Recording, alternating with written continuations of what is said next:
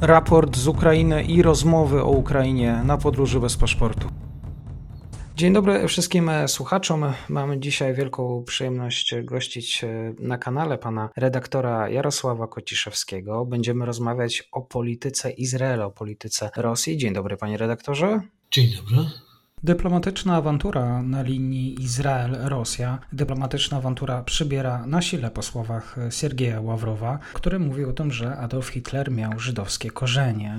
Czy tutaj rosyjskie MSZ, strona rosyjska, pokalała się, przeprosiła? Prezydent Putin e, w dosyć niezwykłej e, wypowiedzi przeprosił za słowa ministra Ławrowa. Izraelczycy zareagowali na nie niezwykle ostro, co zresztą nie dziwi, to znaczy Izraelczycy z definicji na tego rodzaju wypowiedzi, a przypomnijmy, minister Ławrow mówił o tym, że w żyłach Adolfa Hitlera płynęła żydowska krew. Oskarżył Izrael o wspieranie nazizmu, potem to potwierdził rosyjski MSZ, również e, oskarżając Izrael o wspieranie neonazizmu i twierdząc, że izraelscy najemnicy walczą w szeregach Azowu. No, Izraelczycy zareagowali na to w sposób bardzo standardowy, to znaczy wezwaniem ambasadora, a równocześnie stanowczo zmieniając swój kurs w stosunku do wojny ukraińsko, rosyjsko-ukraińskiej, to znaczy zapowiedzieli wysłanie pomocy dla, dla Ukrainy. To jest gorszy dzień Ławrowa, czy, czy jednak wypsnęło mu się to, co myśli rzeczywiście? Jak, jak to oceniać? Trudno, szczerze mówiąc, oceniać stan kliniczny ministra Ławrowa. Przypuszczam, że jest pod bardzo dużym stresem. Natomiast chyba nie pierwszy raz. Ja myślę, że, ale oczywiście tego nie wiem, tylko mogę, mogę oceniać. Myślę, że jest to próba ratowania czy była to próba ratowania narracji o denacyfikacji e, Ukrainy która, która sypie się i posypała się tak naprawdę Rosjanom i, i przede wszystkim była to odpowiedź na raczej użytek wewnętrzny, bo nie sądzę, by ktokolwiek poza Rosją inaczej spojrzał na te wypowiedzi niż Izraelczycy, no chyba, że mówimy o jakichś bardzo oddanych sojusznikach Rosji w Budapeszcie, w Watykanie. Jeżeli e, Izrael miałby zmienić e, swoje podejście do wojny na Ukrainie i dostarczyć właściwie broń, e, sprzęt bojowy, to co to by było? Co by w tej paczce z Izraela powędrowało na front? Izraelczycy zapowiedzieli, że nie wyślą broni.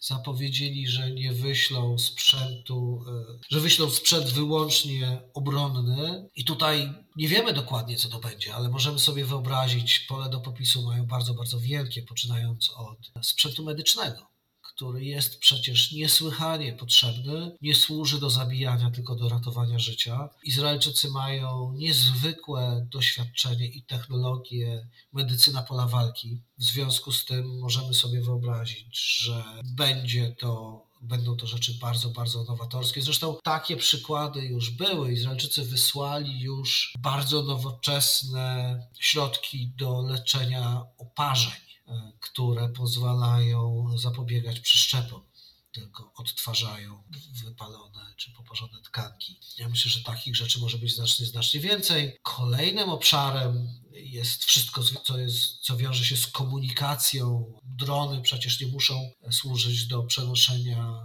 bomb i rakiet, żeby wspierać wysiłku wojenny widzimy, jak wielką różnicę dla, dla komunikacji pola walki na przykład uczynił Elon Musk i jego Starlink.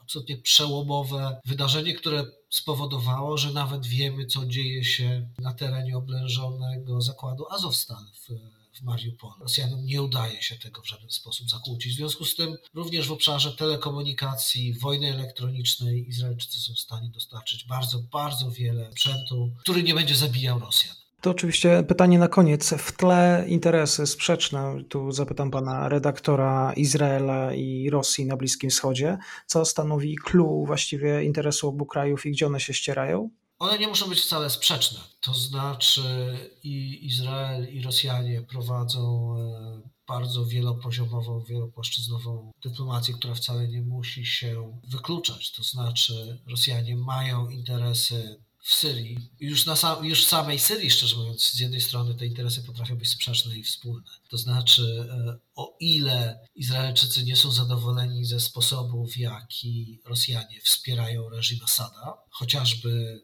używając sprzętu do wojny elektronicznej, który potrafi zagłuszać aplikacje i GPS-y samolotom lecącym do Tel Awiwu. Ale z drugiej strony Izraelczycy i Rosjanie są wspólnie zainteresowani ograniczaniem roli Iranu na terenie tej samej Syrii. Iran tutaj będzie kluczem i Rosjanie są częścią negocjacji nad e, przyszłością, nad dealem nuklearnym z Iranem. Zapewne chcieliby mieć możliwość inwestowania i wpływania na to, co tam się dzieje. Z kolei Izraelczycy e, chcą ten deal albo zablokować, albo ograniczyć swobodę działania Irańczyków. Także tutaj istnieje może nie tyle konflikt, co pewna rozbieżność interesów, która, którą standardowo załatwia się przy negocjacjach. Także to nie jest izraelsko-rosyjski konflikt na Bliskim Wschodzie, to jest e, izraelsko-rosyjska plątanina e, interesów, niezwykle charakterystyczna dla, dla tej części świata.